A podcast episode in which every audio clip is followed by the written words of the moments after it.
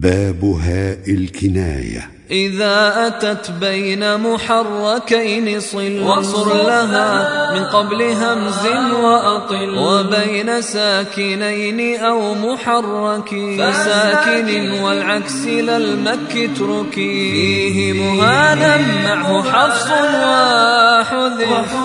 يرضه لكم من أجل ساكن حذف. من أجل ساكن حذف.